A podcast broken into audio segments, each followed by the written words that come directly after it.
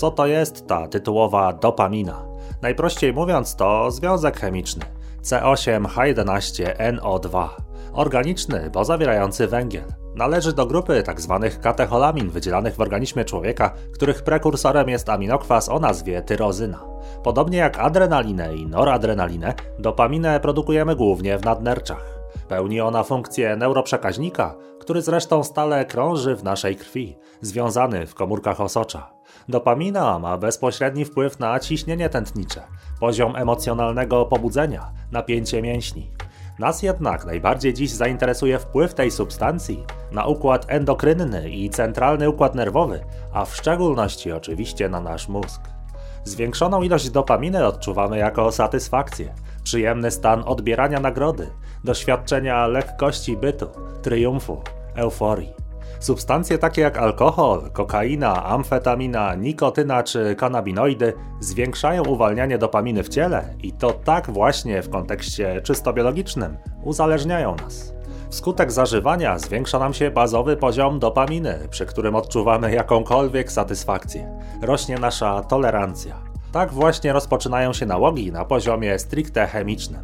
Potocznie określa się więc dopaminę, obok endorfin, hormonem szczęścia. Jako ludzie wykształcamy nawet w naszych mózgach ustalony tzw. Tak mezolimbiczny system nagród. System, który współczesny człowiek ma totalnie rozregulowany, żeby nie powiedzieć usmażony.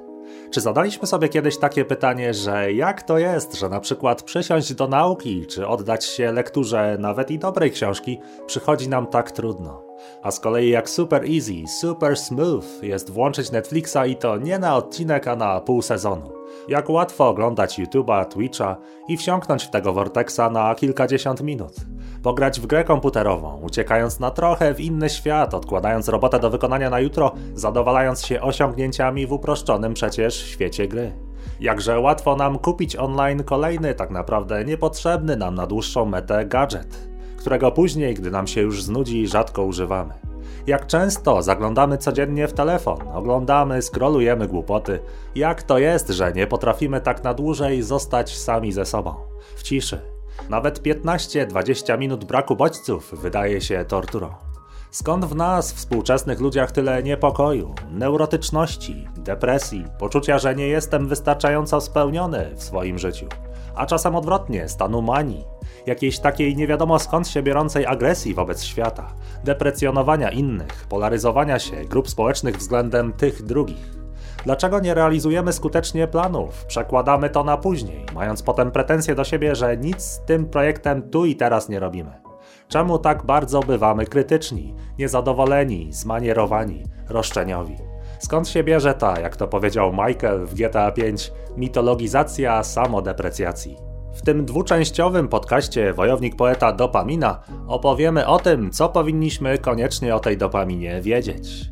Ale nie w kontekście biologicznym, tylko w kontekście zawodowym i osobistym. Tak na co dzień, żeby tę wiedzę i obserwowanie siebie faktycznie we własnym życiu wykorzystać. Co mogę zrobić, poprawić, czego warto być świadomym. Zapraszam Was do wysłuchania obu części tego podcastu.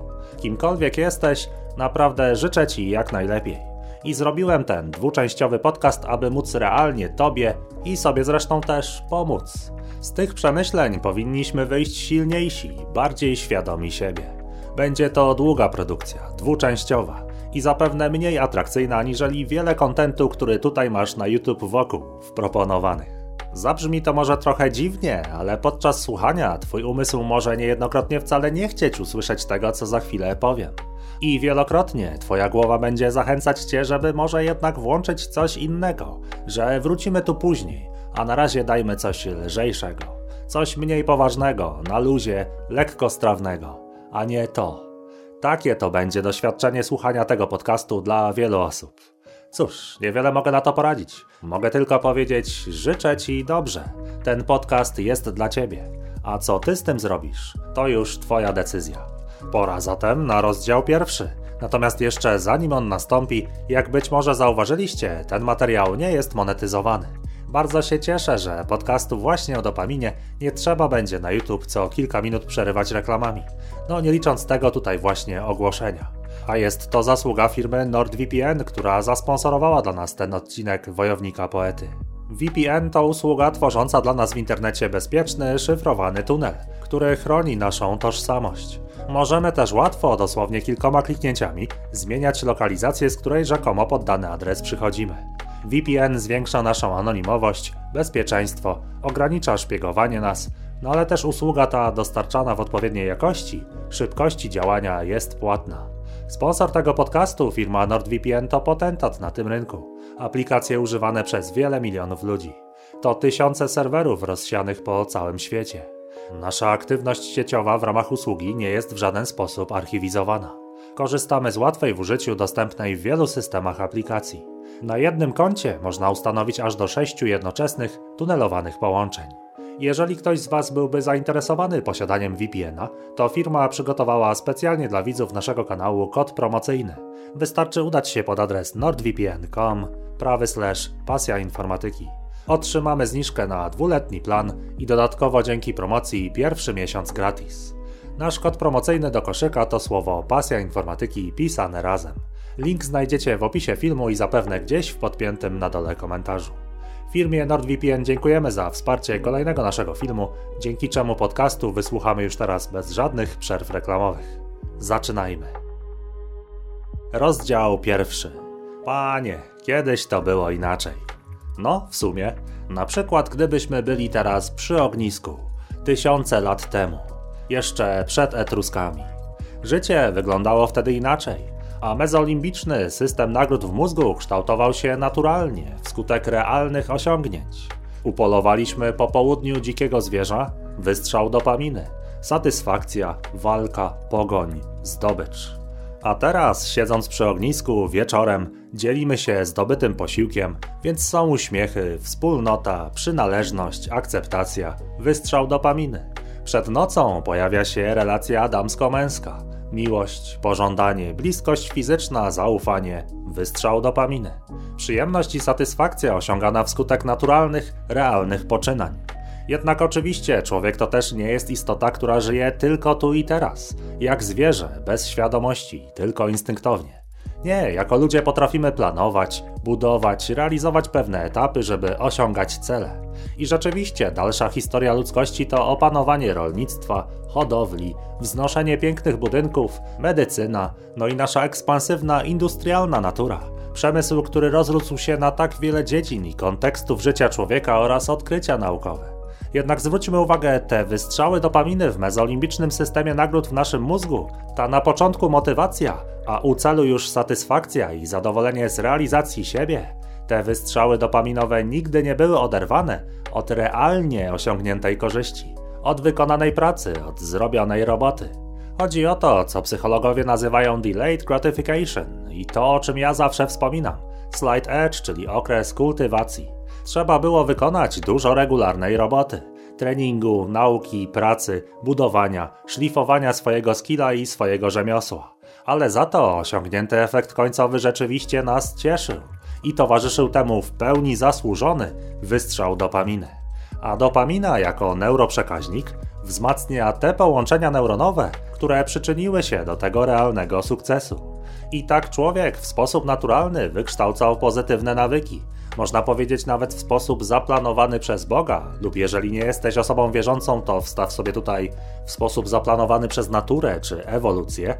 Tak człowiek dzięki pozytywnym dopaminowym wzmocnieniom neuronalnym i odpowiadającemu rzeczywistym osiągnięciom systemowi nagród, człowiek mógł osiągać w życiu cele, kształtować pozytywne nawyki, lubić swoją pracę, a na przestrzeni osobistej rozwijać relacje, empatię, poczucie własnej wartości, no i mógł być zmotywowanym do dalszej ekspansji, bo poszukiwał kolejnego poczucia spełnienia, tego następnego, zasłużonego wystrzału dopaminy.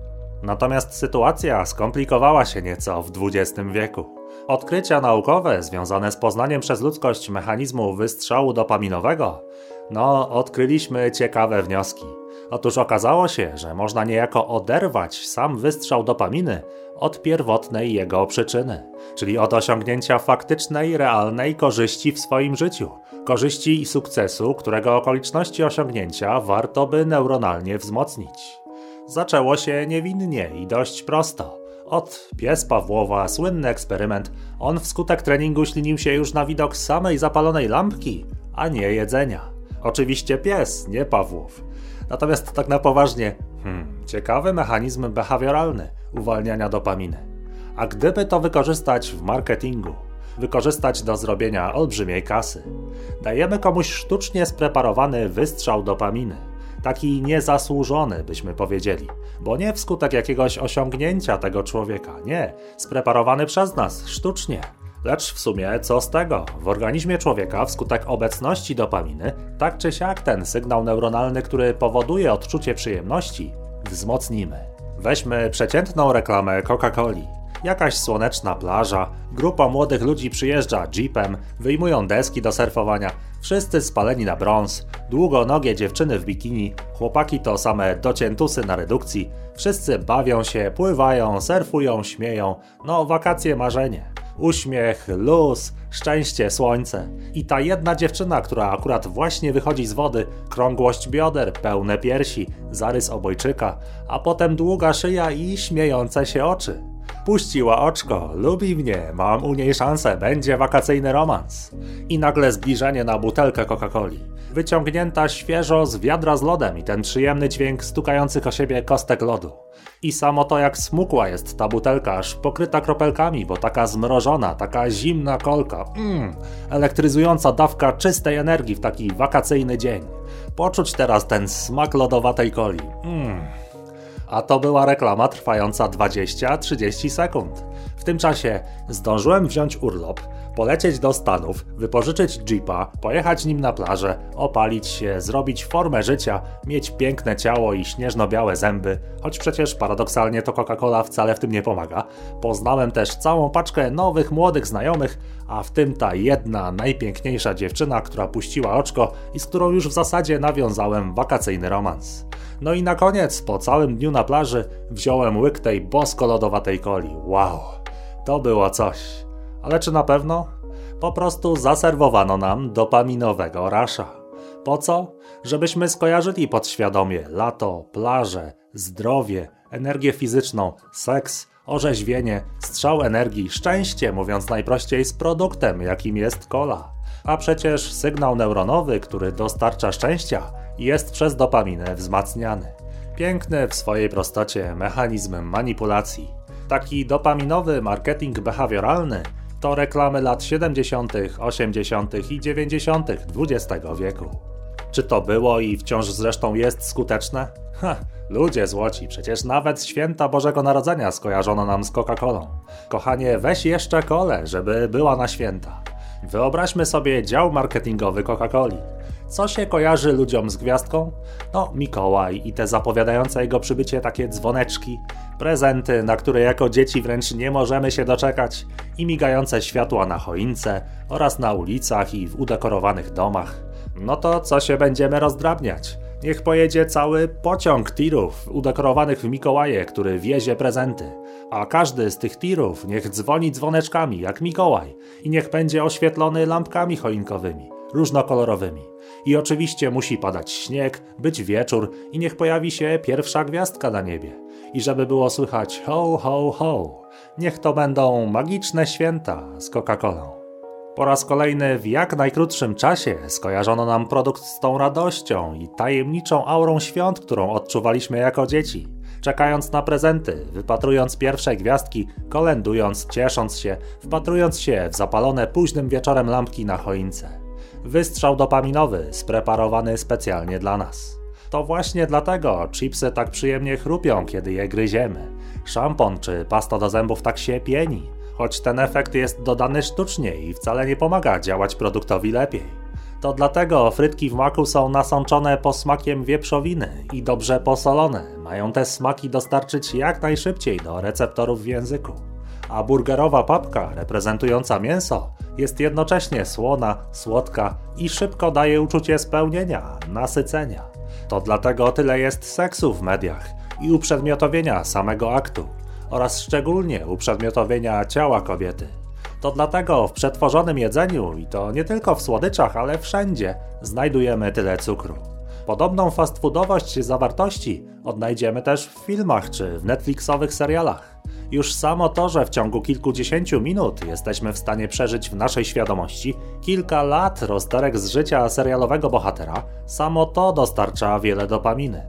Jest szybciej, jest akcja, dramaty, kłótnie, konflikty, relacje, seks, osiąganie celów, zagrożenia, walka, widowiskowe efekty specjalne oraz unikalne talenty, jakimi wykazują się nadprzeciętni bohaterowie. I analogicznie jest w grach komputerowych. I nie myśl proszę, że krytykuję tutaj jakąkolwiek formę elektronicznej rozrywki, że ten dwuczęściowy podcast to będzie jakiś taki claim, że wszystkie gry komputerowe i seriale i filmy są złe. Nie są. W odpowiedniej ilości to rzeczywiście fajna rozrywka. Oderwanie się od rzeczywistości na tyle, ile człowiek czasem potrzebuje. I można wybrać na tyle wartościowy content, który nie usmaży nam systemu nagród w mózgu, a wręcz przeciwnie, czegoś nauczy, zmusi do przemyśleń, do refleksji, pozwoli też coś poprawić we własnym, realnym życiu.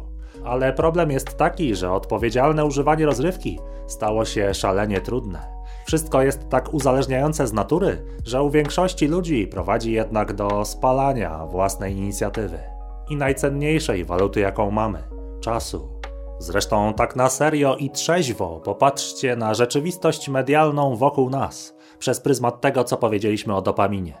Zamiast seriali, które niosą jakiekolwiek przesłanie, mamy paradokumenty, Trudne sprawy, szpital, szkoła, byleby się kłócili, oby tylko coś się działo. Natomiast te postacie to jakieś nieudolne karykatury ludzi, spłaszczone do granic absurdu.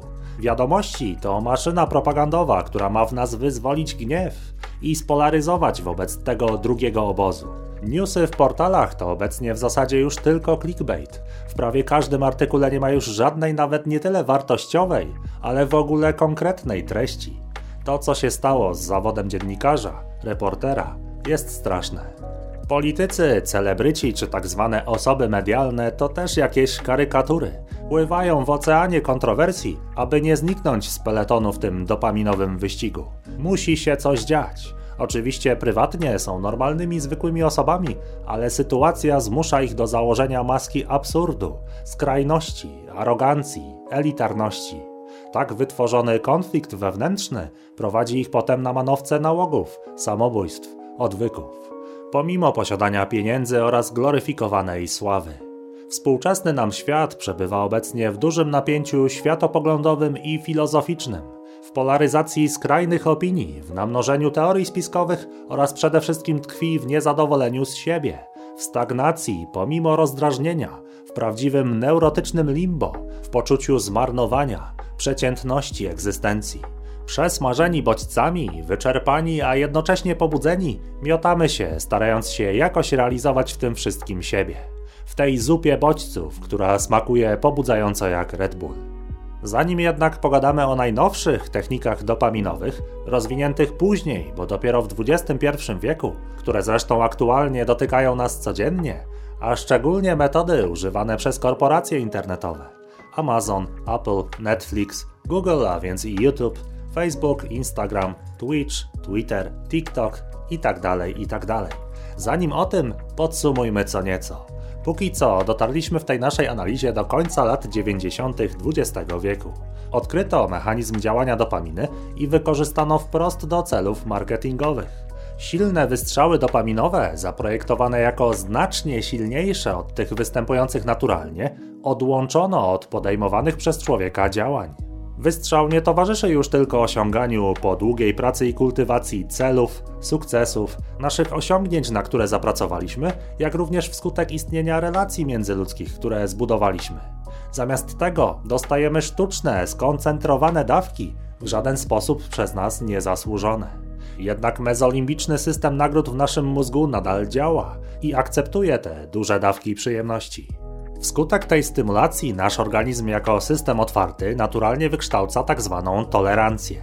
Bazowy poziom dopaminy, przy której odczuwamy podstawową przyjemność bycia tu i teraz, znacząco się podnosi. To, co jeszcze rok temu było dla nas sufitem, teraz stało się podłogą. To, co kiedyś naturalnie wyzwalało dopaminę, czytanie książki, rozmowa z bliską osobą, poznawanie nowych ludzi, spacer, nauka, praca nad swoim rzemiosłem czy hobby, teraz to staje się szare, nieatrakcyjne. Nie wybieramy już tak często tych aktywności w wolnej chwili. Mamy też olbrzymie problemy, aby skoncentrować się na czymś tak w pełni, na przykład na 2-3 godziny. Prawie nikt z młodych ludzi już tak nie pracuje, a rzeczywista koncentracja na problemie i osiągnięcie tak zwanego stanu flow i utrzymanie go na długiej przestrzeni czasu, taka koncentracja to wręcz nowe IQ na rynku pracy. To obecnie wystarcza, aby osiągnąć zawodowy sukces. Tak jak człowiek uzależniony od alkoholu, papierosów czy kokainy, często nie usiądzie sobie z książką czy na stanowisku pracy i nie weźmie się za naukę, realizację projektu, no generalnie za robotę, podobnie nie bardzo też potrafi posłuchać rady pod tytułem weź po prostu nie pij, nie pal, nie używaj, szkodzisz sobie, po co to robisz? No nie, on potrzebuje tu i teraz kieliszka, potrzebuje teraz zapalić albo teraz użyć. Dopiero wtedy osiąga bazowy poziom dopaminy, tak przecież podniesiony, i wtedy rzeczywistość staje się na powrót w ogóle możliwa do zniesienia. Z organizmem zachodnich społeczeństw w ostatnich 50 latach zadziało się analogicznie. Nie mogło być inaczej, bo przecież znacznie podnieśliśmy bazowy poziom stymulacji dopaminą. Tak samo stało się w Polsce. Po upadku komunizmu poszliśmy w stronę wybujałego konsumpcjonizmu. Pojawiły się peweksy, samochody, Coca-Cola, kolorowe gazety, kasety VHS z filmami absurdalnie przesyconymi akcją w stylu Rambo, Terminator, Życzenie Śmierci, Predator, Robocop. Były podróby Nintendo i gry na kadridżach, pierwsze komputery osobiste, kolorowe oranżady z masakryczną ilością cukru, gumy balonowe, komiksy, pornosy, fast foody zamiast barów mlecznych, chipsy, lizaki chupa chups, no mogę wymieniać długo. Natomiast słowem pojawiły się pierwsze sztucznie spreparowane, a więc naprawdę mocne wystrzały dopaminy. I z premedytacją chciały być mocne. Tak zostały zaprojektowane, żeby lepiej produkty sprzedać. Mówi się, że Stany Zjednoczone końcówki XX wieku to była ojczyzna wolności. To oczywiście w wielu kontekstach prawda. Lecz przede wszystkim sukcesu tego imperium, a właściwie tego stylu życia, należy dopatrywać się w uwodzicielskim działaniu dopaminy, w marketingu hedonizmu. Wszystko ma być większe, lepsze, szybsze. To amerykański sen oparty na nieustannym rozroście, na podnoszonej wciąż tolerancji tego, co uważamy za możliwą do zniesienia rzeczywistość. Ekspansja, afirmacja, rozwój, koloryt, emocje, szczęście. Okay, a zatem poznaliśmy i fajnie zobrazowaliśmy podstawowe zastosowanie mechanizmu wystrzału dopaminowego w marketingu behawioralnym. Skuteczny zabieg. I to nie jest jakieś przypuszczenie, tylko zwykłe podsumowanie obserwacji. Wystarczy spojrzeć na ostatnie 30 lat XX wieku, a ewidentna stanie się ta nasza pogoń za konsumpcjonizmem. To nie dziwi, gdyż tak jak wspomnieliśmy, to samo napędzające się koło. Wskutek spreparowanych, nienaturalnie mocnych wystrzałów dopaminy następuje zwiększenie naszej tolerancji. A ponieważ poziom bazowy jest teraz podniesiony, no to potrzebujemy kolejnych wystrzałów, aby nie czuć dyskomfortu i szarości. I tak samo napędzające się koło się zamyka. Oczywiście nie sugeruję tutaj, że zawsze musi to prowadzić do jakichś kancerycznych, rakowych konsekwencji i do wysadzenia w powietrze całego życia wewnętrznego człowieka poprzez nauk całkowity. Absolutnie nie, nie o to w tym materiale mi chodzi. Natomiast wszyscy na pewno się zgodzimy, że przeciętny człowiek żyjący w roku 2001 ma bazowy poziom dopaminy i stymulacji bodźcami wielokrotnie większy od człowieka żyjącego w roku na przykład 1951. To w ogóle nie ma porównania. I nie ma też współcześnie jakiejś ucieczki od tego więc nie ma co demonizować i narzekać, tylko zastanowić się na spokojnie, jak znaleźć tak zwany złoty środek. Na co uważać, co poprawić, no i przede wszystkim czego być świadomym w swoim życiu zawodowo, internetowo, technologicznie osobistym. To jest zadanie wojownika poety w tym dwuczęściowym podcaście. Rzecz jasna, przyglądając się naszemu życiu, możemy też dojść do wniosku, że obecnie no, mamy z tym problem że przydałby się nam tak zwany dopaminowy detoks. Ale żeby się o tym przekonać, to trzeba, żebyśmy najpierw przyjrzeli się jeszcze dokładnie konsekwencjom naszego uzależnienia, naszego podniesionego poziomu przebodźcowania. O tym będzie rozdział trzeci podcastu. A potem w rozdziale czwartym powiemy, jak naprawić nasze opisane problemy. Podamy konkretne techniki. Ale żeby móc o tym wszystkim opowiedzieć, to trzeba jeszcze, żebyśmy najpierw zyskali świadomość najnowszych, czyli zastosowanych w XXI wieku technik wykorzystania mechanizmu dopaminowego release'u. bo na razie w rozdziale pierwszym, który tutaj kończymy, poznaliśmy genezę problemu. Byliśmy świadkami narodzin dopaminowego wyścigu, więc pora teraz na rozdział drugi podcastu.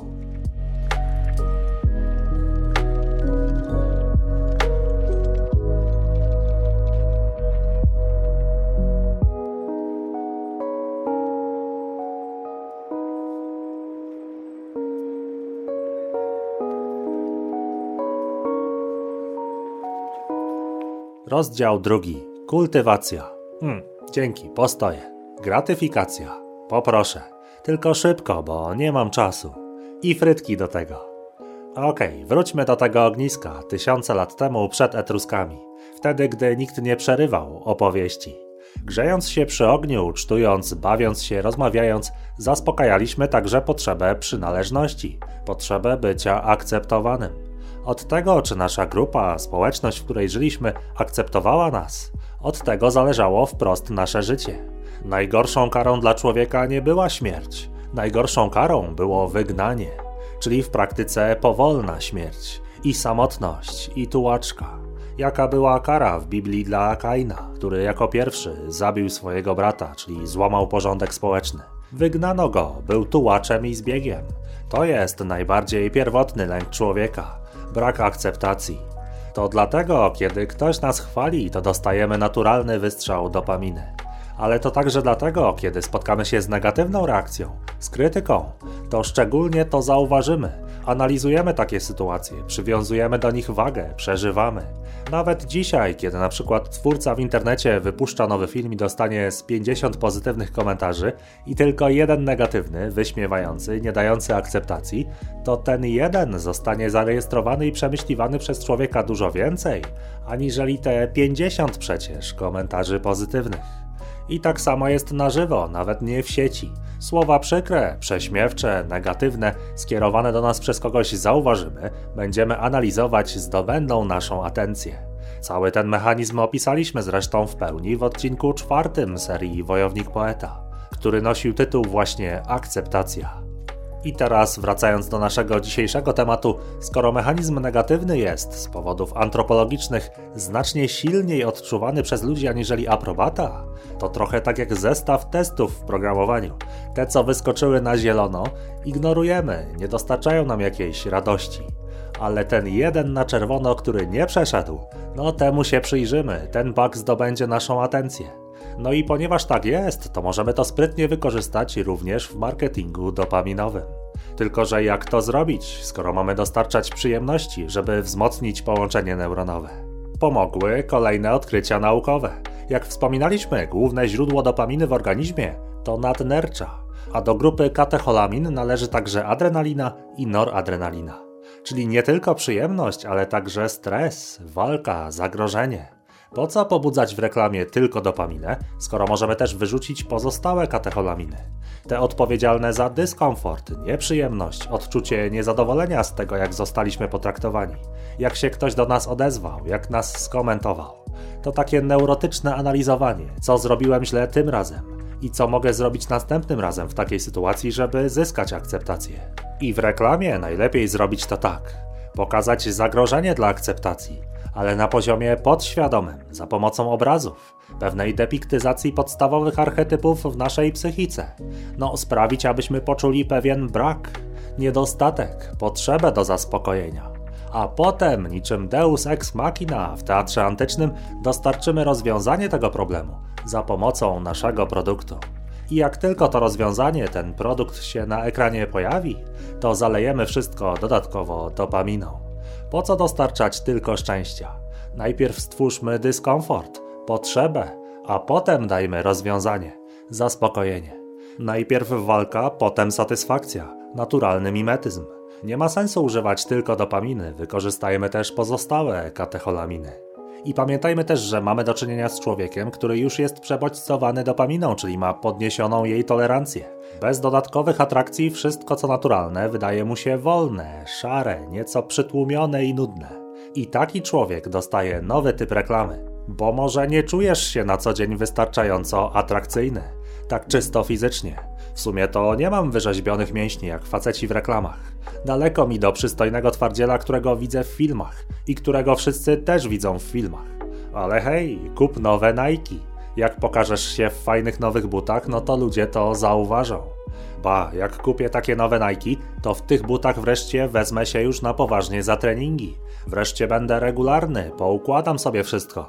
Dużo zmieni się w moim życiu, bo wreszcie wezmę się za siebie. Just do it. Fuck yeah, właśnie o to chodzi. Koniec już z wymówkami, z prokrastynacją, z opierdalaniem się. Pora wziąć się za siebie, za trening, zmienić coś w życiu na lepsze, osiągnąć, poprawić dietę, sylwetkę, a nie tylko siedzieć i śmierdzieć. No tak to działa. Problem i rozwiązanie, potrzeba i zaspokojenie. Buty wielokrotnie za drogie, bo płacimy za odczucie bycia cool, za status, jaki wiąże się z posiadaniem tych butów na nogach, za obietnicę rozwiązania naszych niedoborów, czyli przejścia od adrenalinowego, kortyzolowego zagrożenia do zanurzenia w dopaminie. Czyli do pierwotnego wystrzału szczęścia dołożyliśmy wykorzystanie lęku przed niebyciem akceptowanym i lęku przed niebyciem najlepszą wersją siebie posiadającą ciekawe życie i podziwianą przez innych, posiadającą status. Produkt dostarczał gotowego rozwiązania problemu. Kupisz, no to jesteś cool, a przynajmniej przez dwa tygodnie, ale obietnica i tak kusi. To dlatego kupowanie poprawia humor, bo coś nam zawsze obiecuje. A do tej zarysowanej podświadomie w reklamie obietnicy dokładamy potem szereg własnych. Tak racjonalizacji. Sami tworzymy historię w naszej głowie, dlaczego to czy tamto rzeczywiście jest nam potrzebne. Oczywiście nie jest, ale racjonalizacja działa. No i jak zauważyliśmy, dołożono do produktu oprócz zaspokojenia lęku także status, elitarność. Bo fajnie było nosić buty Nike, mieć iPhone'a, dres Adidasa, niemiecki samochód, no bo wiązała się z tym właśnie elitarność i status. Wiązało się z tym uzyskanie akceptacji, szacunku, podziwu innych. I tak samo dzieje się w świecie cyfrowym. Fajnie jest mieć dużo znajomych i dużo lajków na Facebooku, mieć jak najwięcej subskrypcji na YouTube, mieć rangę oraz kolorowe skiny broni w CS-ie. Zawsze to jest jakaś statystyka, jakiś totem bycia akceptowanym. Taki to marketing początku XXI wieku. Dopaminowy wystrzał, ale też poprzedzony odczuciem jakiegoś braku, niedostatku, który ten produkt zaspokajał. A odczucie braku nie jest niczym trudnym do uzyskania ponieważ mamy bardzo wysoką dopaminową tolerancję, bardzo duży bazowy poziom dopaminy. Więc czujemy się często szaro. Porównujemy się z życiem ludzi, których widzimy w reklamach. Nie potrafimy też zostać sami ze sobą. Potrzebujemy bodźców, stymulacji, bo inaczej rzeczywistość staje się trudna do zniesienia. A ponadto produkty stały się markowe, ekskluzywne, stały się oznaką posiadania pewnego statusu. A przynajmniej elektronika, odzież, motoryzacja Reklamowane produkty dawały też wyraźną obietnicę. Just do it. Zrób to. Trenuj, zmień siebie, kup, a wreszcie przełamiesz blokadę. Think different. Myśl inaczej. Bądź kreatywny na Macu, nie bądź jak reszta wyrobników na Windowsach. Zapłacisz więcej, ale twoja praca wreszcie wejdzie na nowy level. Żeby już nie przytaczać tych prostszych i zapewne pamiętanych przez nas dopaminowych obietnic. Ja jestem Sprite, ty jesteś pragnienie. Z Kasią ci się upiecze. L'Oréal Paris ponieważ jesteś tego warta. Red Bull doda ci skrzydeł. Jest Crunchips, jest impreza. No to frugo. Dłuższe życie każdej pralki to kalgon. No i nie mogło myślę zabraknąć I'm loving it. Zgrywalizowano także media internetowe. Lajki, suby, followy. Ludzie przywiązują do tego tak wielką wagę, a przecież esencjonalnie to tylko 4-bajtowy int przechowywany w czyjejś bazie danych. Myślicie, że przesadzam? No, przypomnijcie sobie piszczących młodych ludzi na spotkaniu z YouTube'owym idolem. Absurd. Jak gloryfikowanym obecnie zajęciem jest gaming, streamowanie na Twitchu, jak uzależnieni są młodzi ludzie od Netflixa, pornografii, seriali, Instagrama, TikToka. Social media również, początkowo dające ludziom rasza z powodu uzyskiwania totemów akceptacji, szybko przekształciły się jednak także w fabryki dawania ludziom lęku. Mamy tak, szczególnie gdy jesteśmy młodzi, że porównujemy się do innych. Dawniej ocenialiśmy, jak mniej więcej wypadamy na tle grona najbliższych naszych znajomych. Teraz młoda dziewczyna porównuje swój wygląd z instagramerką, influencerką, która w dodatku zatrudnia sztab ludzi, tak aby jej zdjęcia na Instagramie trzymały odpowiedni poziom. Żeby miała piękną twarz, figurę, idealnie oświetloną skórę, włosy, makijaż. Czysto psychologicznie człowiek, a szczególnie młody człowiek, jeszcze nie w pełni ukształtowany, nie ma dziś łatwo. Widzi sukcesy, wycieczki, komercyjne współprace, highlighty z życia tak zwanych znanych ludzi, a sam nie doświadcza na co dzień tylu stymulacji. Jego własne życie wydaje mu się więc szare, nudne, nieudane, nieadekwatne. I znów przypomnijmy, z powodu podniesionej tolerancji na sztucznie spreparowane wystrzały dopaminy, szczególnie w cyfrowym życiu i w reklamie, on potrzebuje tych bodźców na co dzień, bo inaczej nie widzi w życiu sensu, uważa, że jest jakiś nieudany, dziwny, że jemu nic nie wychodzi. To straszne, jak wiele poczucia bycia gorszym i takiej naprawdę szarości doświadczamy na co dzień wszyscy. Bo jesteśmy usmażeni, przebodźcowani, bo potrzebujemy kolejnego wystrzału dopaminy. A jeszcze nie omówiliśmy dwóch najnowszych mechanizmów marketingu oraz zdobywania atencji, tzw. Tak growth hackingu. Po pierwsze, mechanizmu niespodzianki, mechanizmu hazardowego, a po drugie, wykorzystania machine learningu. To są najnowsze zdobycze świata social mediowych korporacji oraz w ogóle marketingu cyfrowej rozrywki i usług. Przyjrzyjmy się temu bliżej. Mechanizm dostarczania drobnych niespodzianek najłatwiej oczywiście zauważyć w smartfonach. To są właśnie te urządzenia, te nasze telefony, które najbardziej nas przebodźcowują, dopaminizują, rozregulowują. Sam interfejs telefonu, kolorowe ikonki apek, przesuwne pulpity, masa drobnych atrakcji i takich zajmowaczy czasu. Każde powiadomienie to kolejna niespodzianka, przyjemny prezencik, małe losowanko.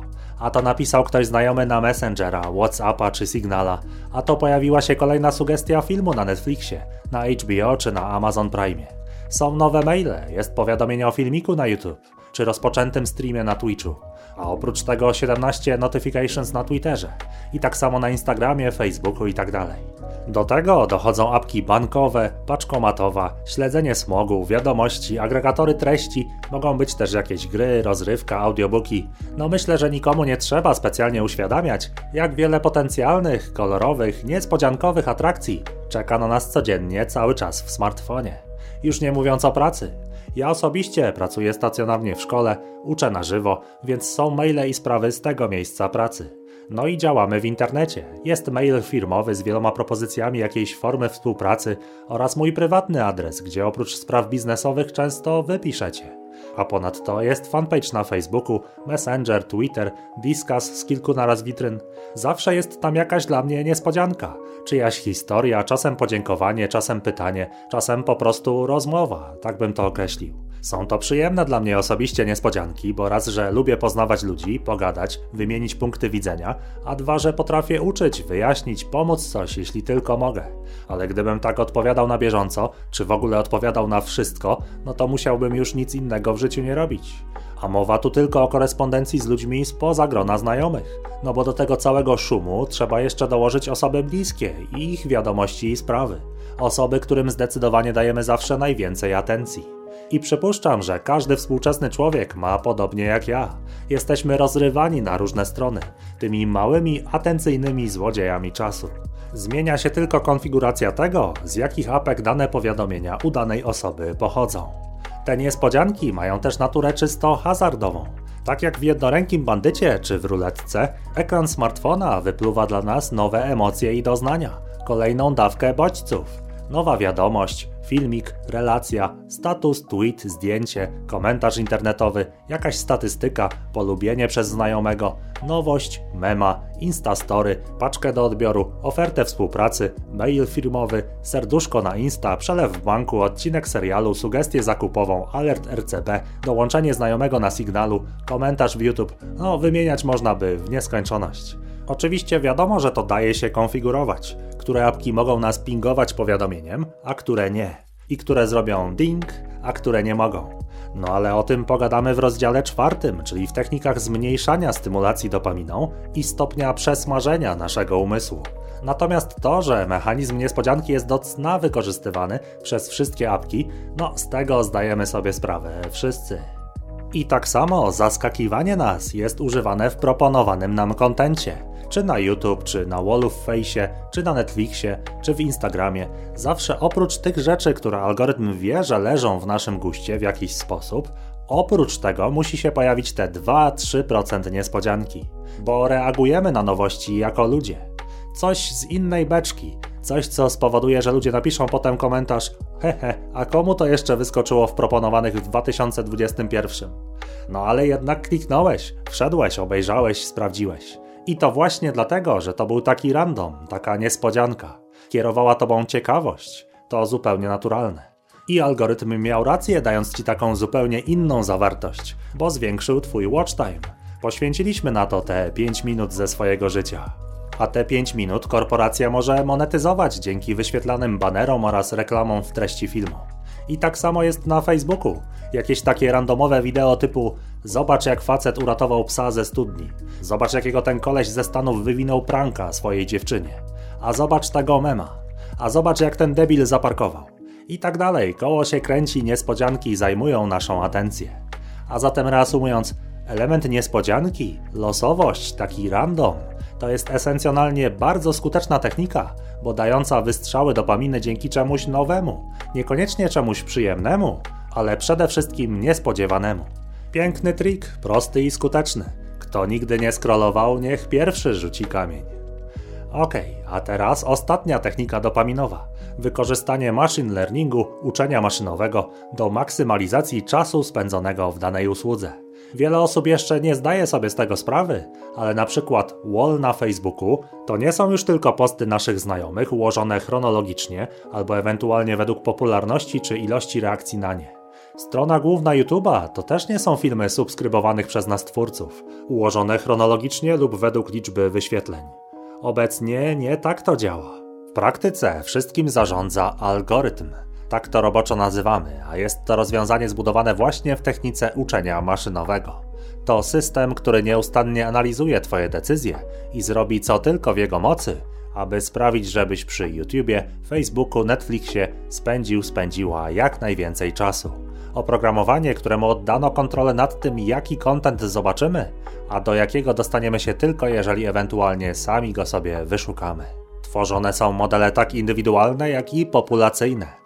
Maszyna, która śledząc nasze poczynania i rodzaj kontentu, który nas, że tak powiem, wciągnął, oczywiście pamiętając też o implementacji niespodzianki, na podstawie setek, a nawet tysięcy data pointów o tobie oraz zaobserwowanych statystycznie tendencji, algorytm zdecyduje, czy warto ciebie teraz rozzłościć, czy przestraszyć, a może rozbawić. No słowem, jakie przyciski teraz w tobie nacisnąć. A wszystko po to, żeby wynikowo ta firma z Doliny Krzemowej mogła zwiększyć watch time, zwiększyć udział w rynku reklam. A wzrost o nawet 1 czy 2% w całej populacji danego powiedzmy kraju to olbrzymie zyski finansowo-komercyjne. Maszyna nie jest moralna. Jej celem jest zdobyć Twoją atencję, bo tak została stwikowana, ustawiona przez twórców. I też ciężko mieć o to do nich pretensje. Gdyby nie używali machine learningu, a ich konkurencja tak, to w perspektywie kilku lat stracą rynek. Konkurencja, rywalizacja jest zażarta. To nie jest jakaś teoria spiskowa typu Mark Zuckerberg to reptilianin i chce ludzi ogłupić, bo planuje inwazję z Alpha Centauri. Nie, po prostu pracują tam ludzie, których celem jest rozwój firmy, w której się znaleźli, przejęcie rynku. To jest biznes, to jest rywalizacja. Dobro ludzi jest na ostatnim miejscu. To tak jak McDonald's czy KFC albo Coca-Cola esencjonalnie rozdają ludziom cukrzycę i chorobę wieńcową. Owszem, jest tak, ale rzecz jasna nie usłyszymy o tym w ich reklamach. Uczenie maszynowe i wypracowane przez długotrwałe śledzenie nas modele to potężne narzędzia przejmowania tego marketingowego tortu. A samemu algorytmowi jest wszystko jedno, czy rozwija jakoś ciebie. Jak będzie trzeba, to pokażemy ci teorię spiskową albo kolejny post nasycony polityką i polaryzowaniem grup ludzi. Użyjemy wybranych postów Twoich znajomych, które dotyczą zagadnienia, o którym już obejrzałeś jakiś film. Podamy Ci głupi i przebodźcowany dopaminą TikTokowy content. No przecież Facebook nie zachęci Cię do odłożenia telefonu i wzięcia się za naukę z książką, czy faktyczną, intensywną pracę nad jakimś ważnym dla Ciebie projektem. Netflix nie powie Ci, hej, obejrzałeś w ciągu dwóch dni już cztery sezony. Przeziębiłeś się i odpoczywasz, czy postanowiłeś zrezygnować z życia prywatnego? Albo YouTube nie powie nam, hej, czy na pewno oglądanie tego akurat kontentu jest dla ciebie dobre, rozwija ciebie? No nie, dostajemy kolejne propozycje, następne powiadomienia, relacje, tweety, pojawia się następny odcinek, kolejny clickbaitowy artykuł grający nam na emocjach, a pozbawiony konkretnej treści. Byleby nabić licznik zdobytej w usłudze atencji użytkownika. I to jest smutne. A ponadto może być niebezpieczne, bo możemy doprowadzić do istnienia propagandy 2.0. Dlaczego? Gdyż odpowiednio zmieniając, tweakując taki algorytm serwowania nam treści, można wpłynąć na decyzje części społeczności, przygotowując na przykład profilowany content. Skoro reklamy dobieramy do człowieka, to czemu nie dobrać tak zwanych wiadomości ze świata i poglądów dla tej osoby? Oczywiście takich, które my chcemy w społeczności wypromować. Przypomnijmy sobie aferę z firmą Cambridge Analytica. Wystarczyło dzięki zeskrapowanym data pointom wysłać tzw. Tak niezdecydowanym wyborcom odpowiednio skrojoną porcję danych, wiadomość, fotografię, plakat wyborczy, śmieszną piosenkę, teorię spiskową, mema, tweeta, newsa. W tym kontekście uczenia maszynowego fakt, że algorytm wie, które przyciski w nas nacisnąć, w którą strunę uderzyć. I oto można przekonać setki tysięcy ludzi do zagłosowania w pożądany przez nas sposób. A skoro to możemy zrobić, to możemy też kogoś z użyciem takiego algorytmicznego overlorda zniszczyć w opinii publicznej, albo przekonać ludzi do danej ideologii czy punktów widzenia w oczach całych narodów. I to nie stanie się natychmiastowo z dnia na dzień, tylko cierpliwie, subtelnie. To kropla, która drąży skałę. I nie mówię, że to się dzieje. Reakcja na sytuację z wyborami była natychmiastowa przesłuchania w kongresie, wyjaśnienie ludziom nietechnicznym w klasycznych mediach, czym w ogóle są takie taktyki wpływu informacyjnego na sposób widzenia świata przez opinię publiczną oraz jak może w ogóle działać system masowej kontroli tzw. Tak zeitgeistu, czyli ducha i mentalności obecnych czasów. Póki co te mechanizmy używane są do generowania zysków marketingowo. Poprzez zabieranie naszej atencji i czasu zyskuje się watch time, czyli czas, w którym komuś można podać reklamy. A więc korporacje robią to w celu zysków, w celu rywalizacji, konkurencji, przejęcia rynku. A to, że przez to przebodźcowanie, przesmażenie dopaminą i przebywanie więcej w świecie netu, aniżeli w świecie szarej rzeczywistości, że przez to popadamy, szczególnie osoby młode, w nierównowagę, bipolaryzm, depresję, polaryzację wobec innych, stany lękowe, niską samoocenę, to, że nie osiągamy celów, bo nie pracujemy wydajnie i nie koncentrujemy się i nie realizujemy siebie w takim stopniu, gdybyśmy to wyłączyli, nie czytamy książek, nie mamy czasu na przetrawienie tych wszystkich bodźców, tylko wciąż i wciąż oglądamy, konsumujemy content, smażymy mezolimbiczny układ nagród w mózgu, żyjemy życiem fikcyjnych serialowych postaci, a nie własnym. No cóż, to trochę tak jak Coca-Cola, która ma tyle cukru, no ale hej, mamy prawo dostarczać rozrywki. Mamy prawo walczyć z konkurencją. Tak bronią się wielkie koncerny. Wielu zresztą pracowników czy Facebooka, czy Instagrama, czy Google'a z tego właśnie powodu odeszło z pracy, z przyczyn moralnych. Mieli dosyć, nie chcieli dłużej do tego przykładać swoich starań i swojej energii. Z przyczyn moralnych odeszli z pracy. Na pewno o tym słyszeliśmy. No a korporacje? Cóż mogą powiedzieć? Pewnie coś w stylu: To prawda, używamy wielu sprytnych technik, ale gdybyśmy tego nie robili, to byśmy szybko wypadli z obiegu i przegrali z tymi, co nie będą mieli takich skrupułów. I tak to koło się kręci. Nie mamy wpływu na to, co oglądamy. Algorytm decyduje. Jego twórcy sami dopiero obserwują, jakie są konsekwencje społeczne i indywidualne wdrożenia uczenia maszynowego. A stopień braku zatrzymania się w naszym życiu choć na chwilę, w tym dopaminowym raszu i faktycznego wyciągnięcia wniosków, to prowadzi do tego, że łatwo, za łatwo takimi usmażonymi umysłami manipulować. Oddajemy jako ludzie masę energii, czasu, atencji, świadomości, a może nawet oddajemy sposób, w jaki kształtujemy swój światopogląd na daną sprawę, perspektywę i punkt widzenia, oddajemy pokój na rzecz polaryzacji.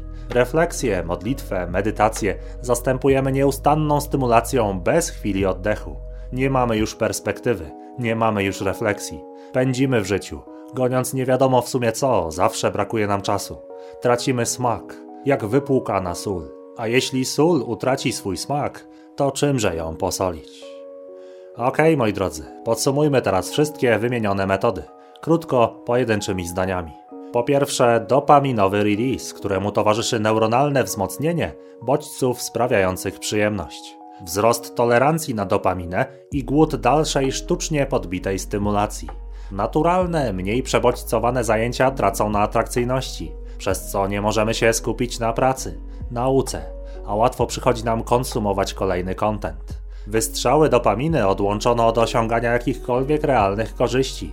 dołączenie roli pozostałych katecholamin, adrenaliny i noradrenaliny, stworzyć brak, niedostatek, uczucie bycia niespełnionym, gorszym, przegapiającym coś, mniej atrakcyjnym, nieadekwatnym, po czym dostarczyć rozwiązanie, którym jest produkt. Wykorzystanie tak silnej w życiu każdego człowieka potrzeby bycia akceptowanym przez innych i posiadania statusu w grupie, rozbujanie porównywania się z innymi, stymulacja pozytywna jako nagroda, jakiś totem social acceptance, jakaś uznana waluta w postaci statystyki lub produktu.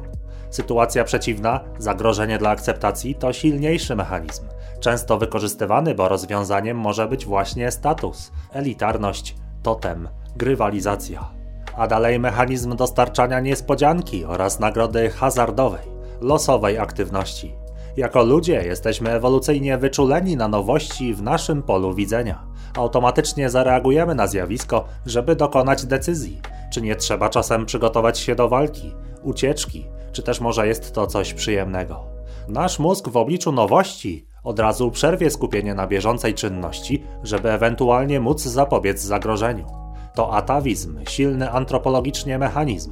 Wykorzystuje go każdy smartfon, dostarczając nam wielu niespodzianek, na które trzeba zareagować. I wreszcie uczenie maszynowe. Algorytmy korzystające z setek, tysięcy data pointów. Systemy, którym w imię zysku korporacji, przejęcia rynku, walki z konkurencją, oddaliśmy zarządzanie tym, co i w jakiej ilości konsumujemy. Bez w ogóle kontekstu moralności czy długoterminowych skutków społeczno-psychologiczno-filozoficznych dla całych społeczeństw. O tym wszystkim dziś opowiedzieliśmy. To była dobra analiza, na pewno dająca do myślenia. I w tym miejscu zakończymy dzisiejszy odcinek. Ale jak to? A co z rozdziałem trzecim, gdzie mieliśmy się przyjrzeć dokładnie konsekwencjom tych przedstawionych mechanizmów w naszym konkretnym życiu? Jaki dokładnie jest wpływ? I to wpływ subtelny, stopniowy, postępujący bardzo powoli, więc czasem ciężki do zauważenia, do uświadomienia sobie. No i rozdział czwarty, czyli co można zrobić, konkretne techniki, jak poprawić wydajność swojej pracy zawodowej oraz jakość relacji z ludźmi. W kontekście całej tej współczesnej rzeczywistości cyfrowej, całego tego naszego życia utopionego w dopaminie. Szczerze, to właśnie ta druga część podcastu, czyli rozdziały trzeci i czwarty, to jest głównie to, o czym chciałbym Wam opowiedzieć, co chcę Wam oddać, przekazać, uświadomić i rzeczywiście pomóc tak na co dzień. No ale nie sposób opowiedzieć o konsekwencjach zjawiska, nie podając jego przyczyn.